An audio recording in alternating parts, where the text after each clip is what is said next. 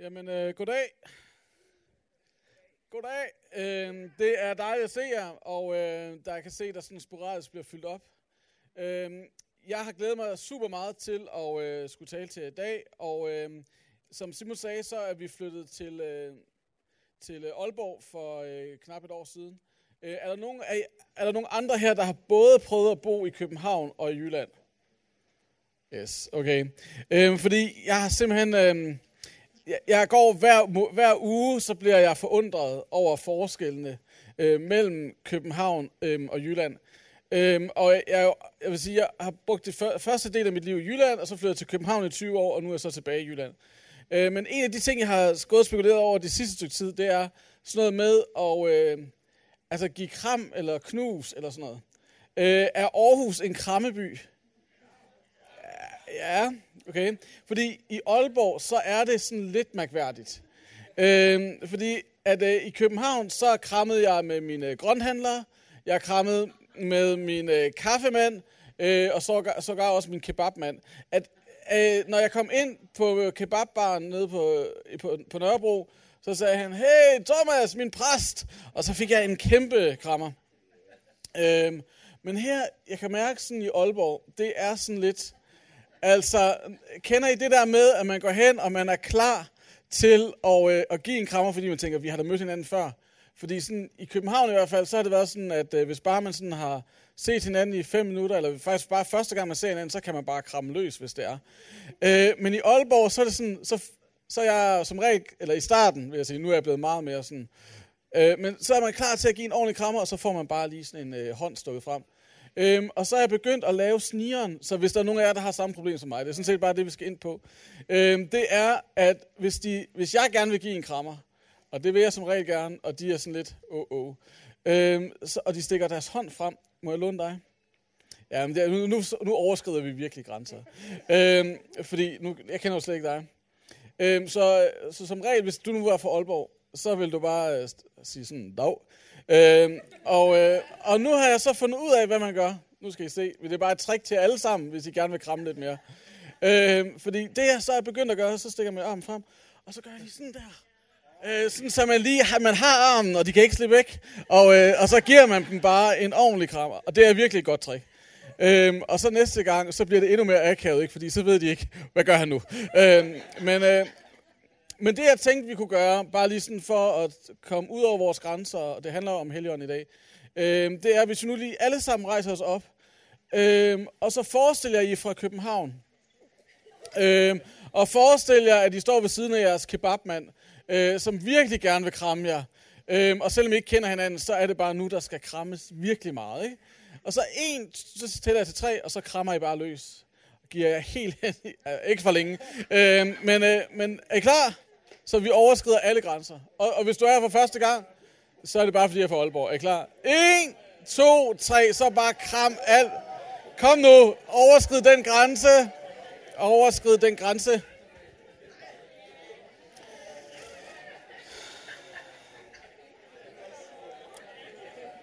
Yes, det er godt. Ja, så må I gøre. Ja, nu er det fint.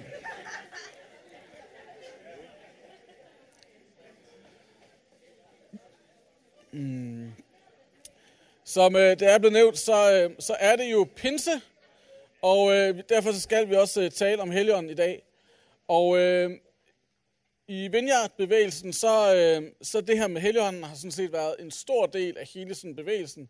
Og, øh, og øh, John Wimber, som startede øh, Vineyard-bevægelsen til at starte med, han havde en, øh, en bøn, som han altid bad, når han, øh, når han, når han prædikede, når, når der var tid til at betjene hinanden, og det var, kom Helligånd. Og øh, jeg aner ikke, hvordan du har det med Helligånden.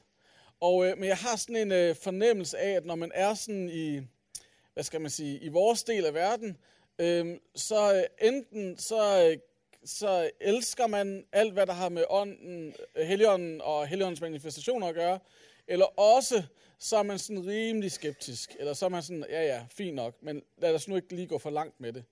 Og øh, min egen rejse, bare lige her til indledning, bare lige for at fortælle, hvor den har været. Da jeg var teenager, så var jeg super vild med alt, hvad der handlede om Helion, og det kunne ikke, øh, Der kunne ikke være tungetal nok, der kunne ikke være fald i ånden nok, der kunne ikke, altså alt.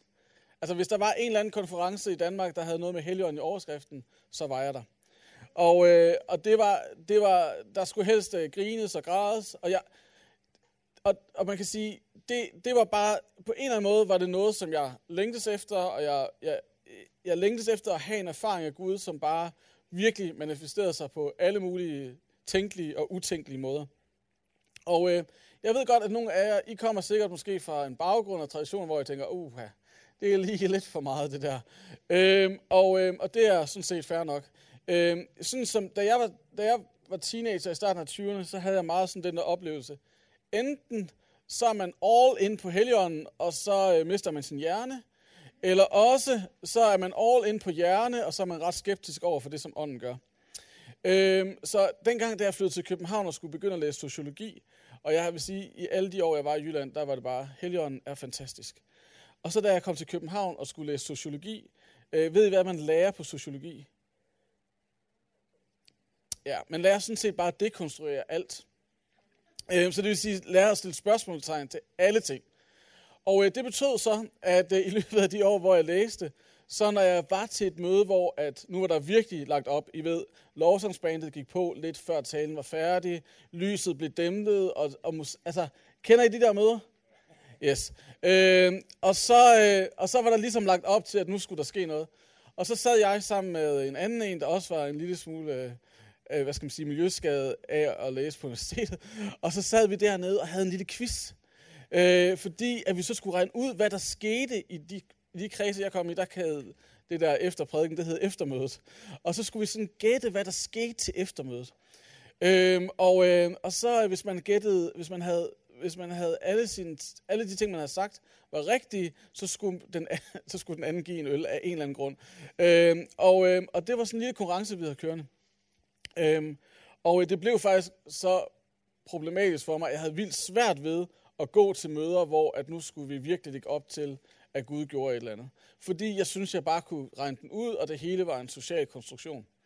Øh, men det, jeg så har lært de sidste 10 år, øh, måske 15, det er jo, at når vi taler om helligånden, og når vi taler om intellekt, at det er ikke to forskellige ting. Og jeg ved ikke, hvad for en baggrund du har, og hvor du er henne med det. Men det, som jeg bare gerne vil slå fast, det er, at når vi i dag skal tale om helligånden, når vi i dag skal tale om, hvad ånden gør, at så, behøver, så kan du faktisk både være åben for, hvad ånden gør, og give dig helt, helt hen til, hvad det er, ånden gør, samtidig med, at du bevarer din begævelse. At det er virkelig en god nyhed for nogle af os. Øh, hvad hedder det? Fordi at nogle gange kan man godt tænke, kan man begge dele, fordi vi lever i sådan en verden og en kultur, hvor at det faktisk kan være svært at, øh, at leve med, hvad skal man sige, et både og. Så, så lige meget, hvad for en rejse du nu end har været på, eller om du lige er blevet troende, eller om du stadigvæk har en masse spørgsmål, at det første, vi lige skal konstatere, det er, at man kan godt både være intelligent og bevare sin hjerne, samtidig med, at man kan være åben over for det, som Gud han gør. Og det er ikke, det er ikke en modsætning, men det er faktisk et både og. Og for nogle af os er det bare et rigtig, rigtig godt sådan startpunkt, fordi at det er med til lige at slå fast, okay, jeg kan godt bevare mig, jeg kan faktisk godt bevare mig selv, samtidig med, at Gud han gør noget, som jeg ikke helt kan forklare. Så øh, man kan sige, når vi så skal tale om Helligånden, så vil jeg gerne lige starte et lidt andet sted. Øh, fordi jeg vil gerne starte med den verden, som vi befinder os i. Og det her, det er sådan set bare øh, nogle overskrifter som øh, fra den sidste uge, som jeg har lagt mærke til sådan i, øh, i vores avis. Og, øh, og det, som øh, der står her, det er jo, at... Øh, jeg ved ikke, om vi kan læse det op. Øh, men øh, det første er, at det digitale liv ødelægger unge kvinders søvn. Øhm, og øh, det er en øh, artikel øh, fra Kastet Dagblad, der handler om, hvordan at fordi vi lever i en verden, som er så optaget af succes og øh, at være, være perfekt, øh, så hver gang man oplever, at man ikke kan leve op til det her perfekte, succesfulde billede, så kæmper man med faktisk at kunne sove, fordi man faktisk er bekymret for, om man nu er, er god nok. Og øh, det viser sig, at øh, cirka jer, der sidder herinde, en femtedel af jer har de sidste, sådan statistisk set, det gælder sikkert ikke jer, men en femtedel af jer har haft problemer med at sove i løbet af de sidste 14 dage. Det er bare ikke, altså, det er ikke okay. Øhm, og så er der to tredjedel af jer, som, øhm, som, op, som vil, hvis, man, hvis man spurgte jer, så vil jeg sige, at de er til eller ofte kendte til ensomhed. Altså oplevelsen af at være alene, ikke bare det der med at tage noget retrætetid for sig selv, men faktisk at være ensom og ikke at have nogen at connecte med. Det er to tredjedel af jer, sådan statistisk set, der vil sige ja til. Og det var en artikel fra Politiken, mener jeg. Øh, og så, øh, og så en artikel, som jeg selv har været med til at lægge op. Hver fire unge er stresset. Øh, fordi jeg blev spurgt til øh, sådan... Øh, jeg, jeg arbejder blandt andet for noget, der hedder Center for Ungdomsstudier. Og øh, jeg blev interviewet til gymnasieskolen. Og øh, så spurgte jeg om det her med, hvor, hvor, hvor, hvor udbredt stress er. Og vi lavede en undersøgelse sidste år, der viser, at rigtig mange unge oplever sig stresset. Og øh, det er cirka hver fjerde af jer, I vil sige, øh, der er stress. Og, øh, og så var der en artikel, jeg faldt over i øh, Berlingske, som handlede om sådan... Øh, øh, det handlede om øh, enlige møder på overførselsindkomst. Ret mærkeligt, at den lige var der. Øh, men, øh, men det var, de, de beskrev dybest set, hvor mange penge, at en enlig mor på overførselsindkomst med to børn har til sig selv om måneden. Og, øh, og det er 1850 kroner om måneden, som hun har at købe mad, tøj, øh, alting for. Det er det, hun har øh, og, øh, at leve for. Og når man så lister alle de her ting op, øh, så må man bare sige, at der er noget, der er noget, som ikke virker.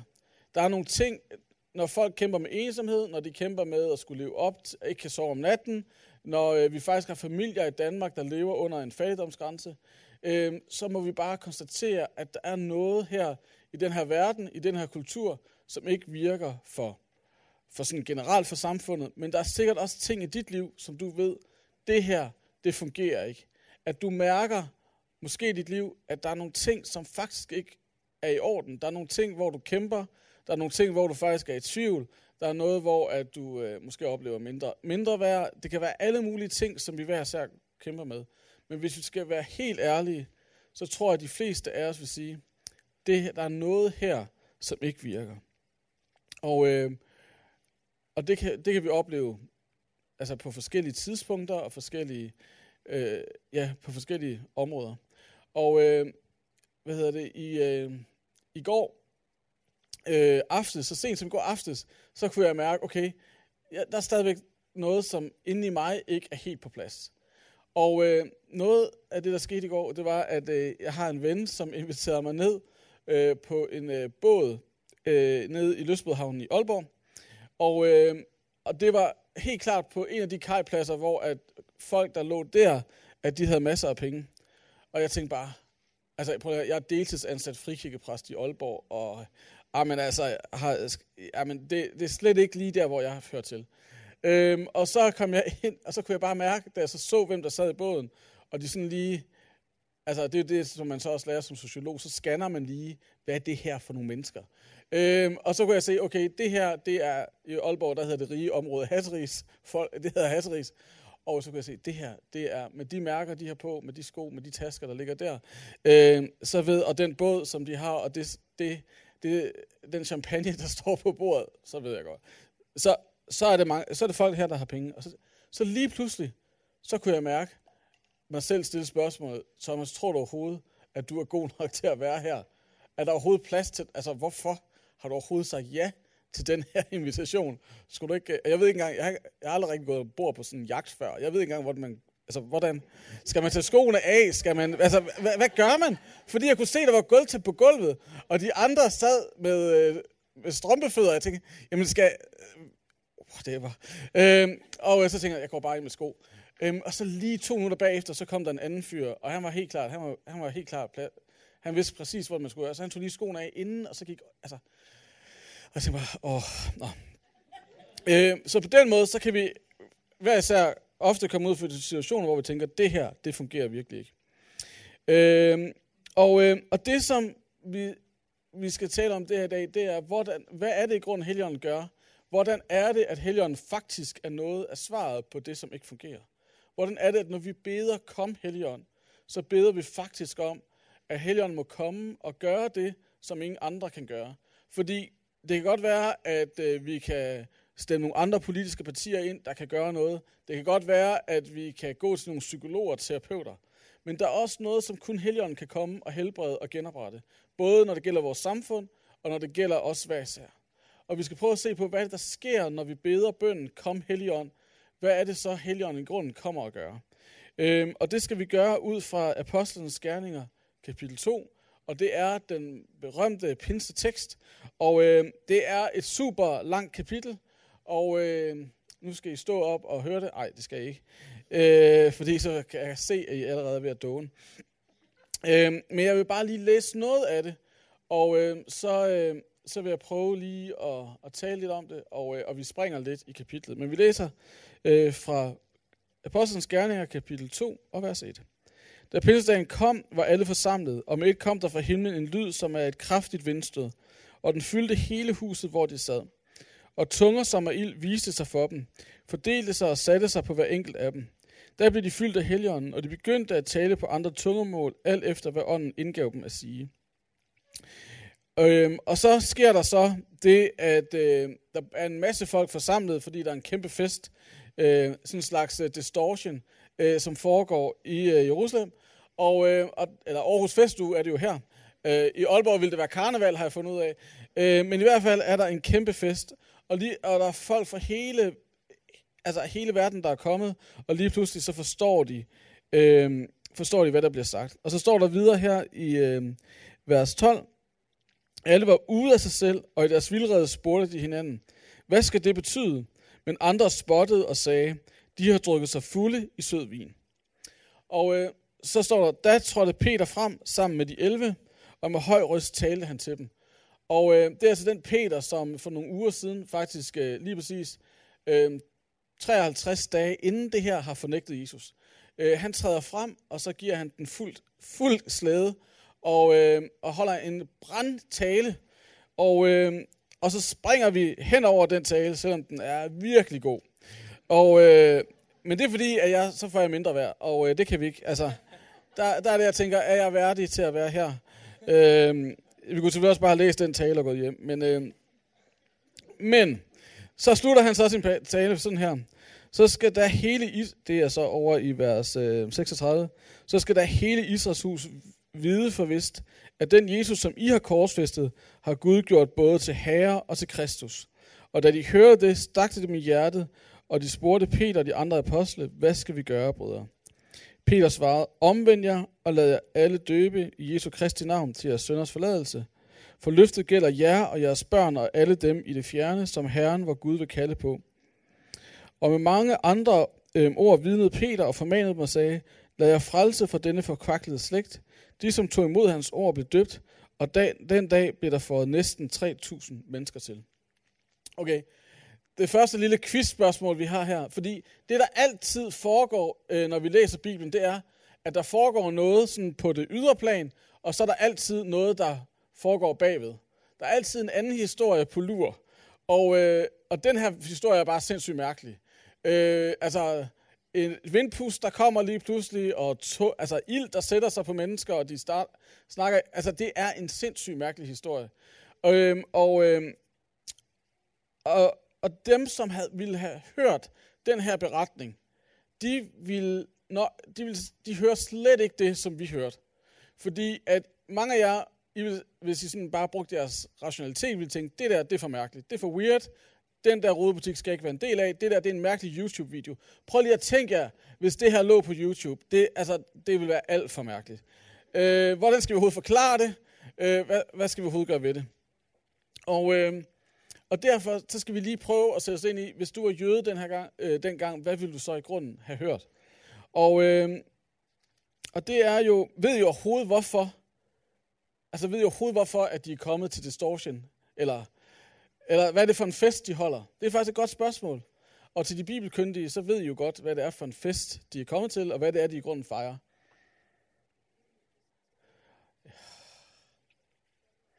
Hvad er det, de fejrer? Og Aarhus Vineyard, hvad er noget i? Ej. Det er nemlig, hvad hedder det, det som de fejrer, det er, at øh, de fejrer faktisk det, at øh, da jøderne skulle ud af Ægypten, så, øh, så fejrede de jo påskemåltidet, og så 50 dage efter, så, øh, så kommer så kommer Moses ned fra bjerget med, med tavlerne. Så det, som de fejrer her, det er, at Moses han kommer ned. Så det er derfor, de alle sammen er i Jerusalem igen, fordi at de fejrer dengang, da Gud han gav de ti bud til Moses. Og øh, når man så hører den her beretning, og de ved, at det er derfor, de er i byen, så er der nogle interessante ting, som går igen, hvis I går tilbage til 2. Mosebog, det kan I måske gøre, når I kommer hjem. Så i 2. Mosebog, kapitel 32, øhm, så er der faktisk beskrevet den fest, eller det, der skete dengang. Øhm, fordi at Moses, han kommer oppe fra skyen, hvor han havde været sammen med Gud. Og man kan, hvis man øh, ikke, man behøver ikke engang være en smule kreativ, så kan man godt øh, oversætte den der sky med en vind, at dem, der havde hørt den her beretning, ville højst sandsynligt have tænkt, okay, der kommer en mægtig vind, ligesom at Moses var inde i skyen og mødte Gud.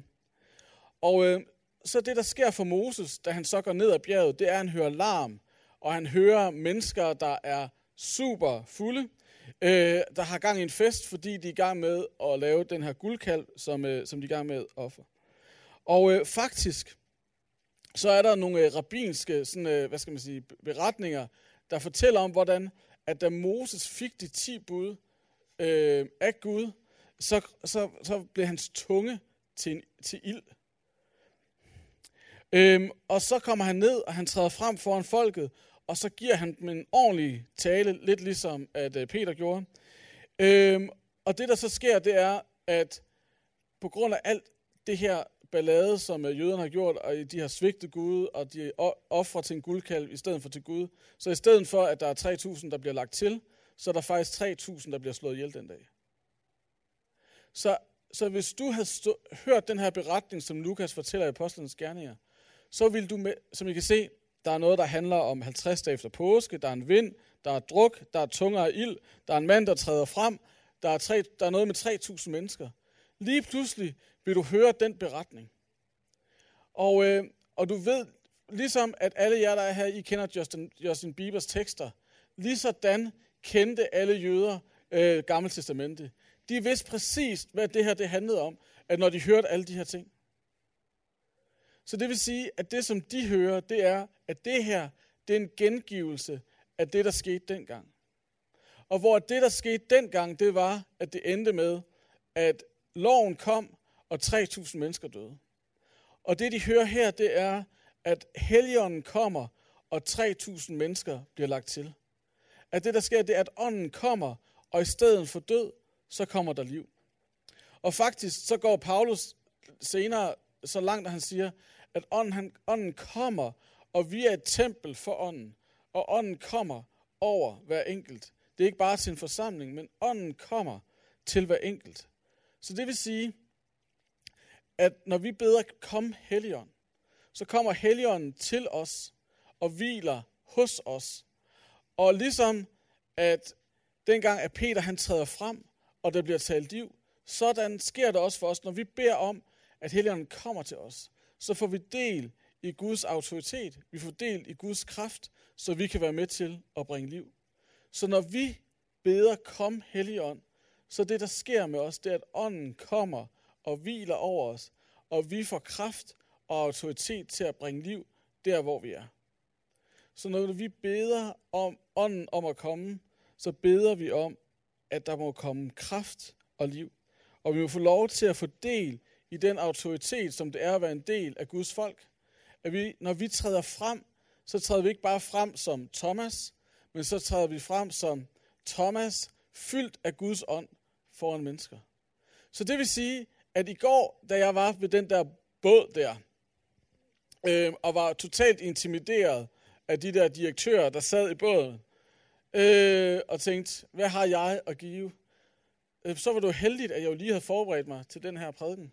Øh, fordi, altså kunne jeg sige til mig selv, hey, det er ikke Thomas Willer, deltidsansat præst med en meget lille kirke, der kommer her og skal tale med nogle direktører. Men hey, det er Thomas Willer, fyldt af Guds ånd, der kommer med liv til de her direktører. Og, øh, og det, der så skete i båden, var jo også helt fantastisk, fordi at, øh, så snakkede vi om alle mulige ting, som jeg jo ikke kunne snakke med om. Øh, men, øh, men jeg vil sige, der var meget dejlig øh, champagne. Øh, hvad hedder det? Og der var jo, der var jo totalt med. Øh, men, men så på et tidspunkt, så, Øhm, så, øh, så, så, så, så, så, så som om Gud siger, nu, nu er det, at du skal begynde at tage liv. Og, øh, og så sad der en, øh, der, der sad en i båden der, hvor jeg tænkte, okay, her, vedkommende har lige sagt noget. Og så lige præcis der, så sagde så som Gud sagde til mig, nu, nu er det nu. Øh, og, øh, og så, øh, så begyndte jeg, og, øh, og det, det som vi snakker om der, det er, hvordan er det lige, fordi alle de andre havde ikke børn, så det var, jeg var den eneste, der havde børn. Så jeg, og der var to af dem, der, der, der snart skulle have børn, så jeg kunne ligesom komme ind med noget virkelig powerful der. Øhm, og så sagde jeg, at det bliver et mareridt, øh, men det bliver også meget fantastisk. Øhm, og, øh, og så var der en, der sagde, jamen dengang, da jeg voksede op, selvom jeg troede, at mine forældre, de ville sikkert sige, at de elskede mig betingelsesløst. Øh, men, men det jeg oplevede, det var, at de kun ville mig, når jeg gjorde noget godt. Så jo bedre jeg, jeg præsterede, jo mere roste de mig, jo mere fik jeg deres velvilje. Og, øh, og så lige pludselig, så kunne jeg bringe du ved, de gode nyheder om, at den historie, som jeg repræsenterer, sagde, det som jeg repræsenterer, er en historie, der handler om, at du lige præcis ikke skal præstere. At du lige præcis ikke behøver at gøre dig fortjent til nogen kærlighed, men den er der allerede givet. Du er altid allerede elsket. Og lige pludselig så begyndte hele samtalen i den båd at handle om noget helt andet. Hvordan er det, vi kan begynde at leve ud af, at vi er altid allerede elsket? Og lige pludselig, så var det ikke øh, uh, totalt mindreværds Thomas, der kom ind og tænkte, okay, jeg ved ikke engang, om jeg skal tage skoene af eller beholde dem på. Uh, men lige pludselig, så kunne jeg være med til, fordi at Guds ånd hvilede over mig, og hviler over mig, at når jeg træder ind i et rum, så træde ind i Guds kraft og autoritet. Så når vi beder, kom Helligånd, så når den verden, som vi nu går ud og møder, lige meget hvor det er, så kommer du og bringer Guds kraft og Guds autoritet. Det er ikke bare dig, der kommer, men du kommer i Guds kraft, du kommer med Guds autoritet, og du kan handle på vegne af ham. Prøv lige at tænke i morgen, når du træder ind på dit studie, eller kommer ind til din læsegruppe. Prøv lige at forestille dig, hvilken forskel det gør din attitude, og hvordan du kan skyde brystet frem og sige, Åh oh, nej, jeg har ikke lige fået læst det den her gang. Men hey, jeg kommer med Guds ånd og Guds kraft. Come on. Altså, prøv lige at forestille jer, at når vi træder ind i et rum, så kommer vi ikke bare som os selv, men så kommer vi som Guds tempel, fordi vi ved, at Helligånden hviler over os. At vi kommer med kraft og autoritet. Prøv at tænke, hvis vi kunne begynde at leve på den måde, hvilken forandring der vil ske omkring os, hvis vi begynder at leve ud af det, som er det, der sker, når vi beder, kom Helligånd. Og så er der faktisk også øh, en lidt, nu ved jeg godt, at det snart skal slutte, øh, men der sker faktisk også noget andet.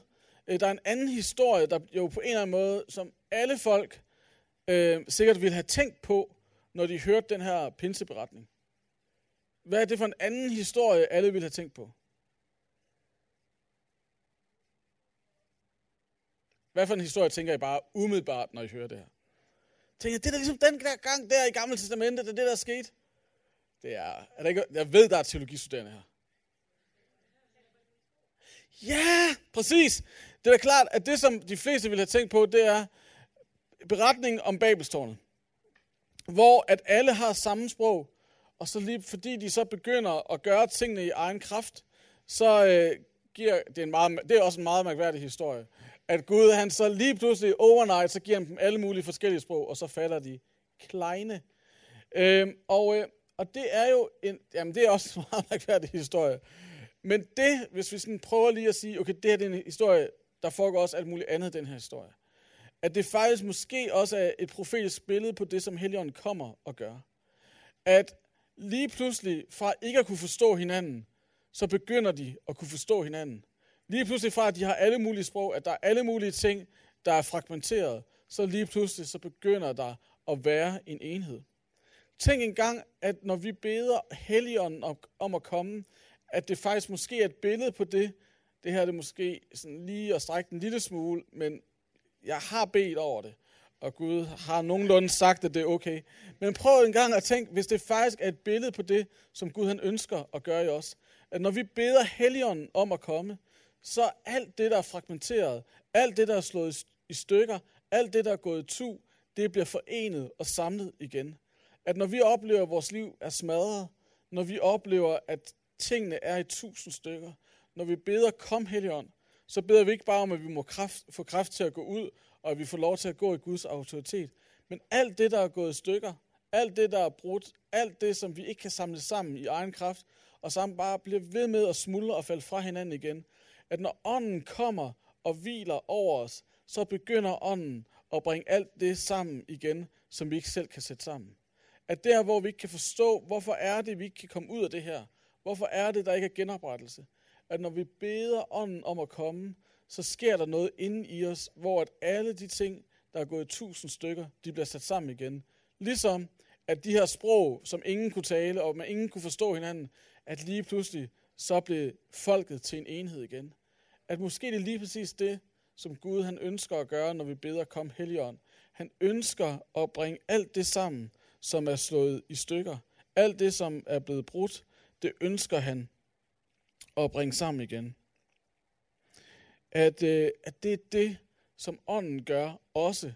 At det ikke bare er noget ydre, der kommer til at ske, at vi kommer til at gå i kraft og autoritet, men vi rent faktisk også oplever, at det, der er brudt ind i os, at det, som der på en eller anden måde er dødt, der hvor vi oplever, at sjælen på en eller anden måde måske ligger i tørke, der hvor vi oplever, at der ikke er noget liv, at når vi beder ånden om at komme, så, øh, så er der liv igen. Så bliver tingene bragt sammen igen. Så er der helhed igen. Og, øh, og der er faktisk øh, sådan et, øh, jeg ved ikke om vi kan få det, ja, lige præcis det der, det er sådan et japansk øh, øh, håndværk, som jeg bare tænkte var et super godt billede på det, som Gud ønsker at gøre. Det er sådan, at japanerne har sådan en keramikkunst. Det er ikke, fordi jeg ved, ved vildt meget om keramik. Øh, men øh, det hedder kintsugi, og, øh, og, og det handler faktisk om, at selv, at, at lige præcis, fordi vi er det, fordi vi er slået i stykker en gang imellem, at når vi så bliver sat sammen igen, så udfylder japanerne de der sprækker med guld. Sådan så, at det, der var sprækker, det faktisk er det, der bliver styrket. Så der, hvor du føler, at du er allermest sårbar, der, hvor du føler, at det her, det er din svaghed, så bliver det til guld. At det lige præcis er din sårbarhed, det er din svaghed, at når du bliver sat sammen af Gud, så gør han din svaghed og din sårbarhed til din styrke. Så alt det, som livet har slået dig med, det ønsker Gud at vende til din styrke. Og det er også det, som Paulus han siger, i min svaghed, så viser du din styrke. At det er lige præcis i din brudhed, det er lige præcis der, at styrken kommer. Så ånden giver kraft til liv. At ånden giver kraft til, at du kan begynde at gå ud og tale liv og være med til at bringe genoprettelse i den verden, som du er en del af. Om det er på dit studie, om det er på dit arbejde, om det er blandt dine naboer. At når du beder Helligånden om at komme, så lige pludselig så kommer der nyt mod. Så kommer der ny kraft. Så kommer der ja, så kommer frimodigheden til at træde ud og gå i det, som Gud har kaldet dig til. Og når du beder Helligånden om at komme, så samler han også alt det brudte og fragmenterede i dig, så det bliver til din styrke. At når vi i Vineyard beder, kom Helligånd, så beder vi dels om at få del i Guds kraft og få magt og autoritet til at gå ud, og at vi ved, at vi ikke kommer bare som os selv, men vi kommer som mennesker, hvor Guds ånd hviler over. Og vi beder også om, at det, der er gået i stykker inde i os, at det må blive sat sammen, og det må blive til vores styrke. Så jeg synes, at det, som vi skal gøre nu, hvis du er med på det, og øh, hvis man ikke vil, er det også helt i orden. Der er ikke noget, øh, der er ikke nogen tvang. Men hvis du har lyst, så synes jeg, at vi lige skal tage øh, noget tid nu, hvor vi rejser os op alle sammen, rækker hænderne frem og beder Helligånden om at komme. Så hvis I er med på det, så rejser jeg op, og øh, hvis man gerne vil blive siddende, så er det også okay.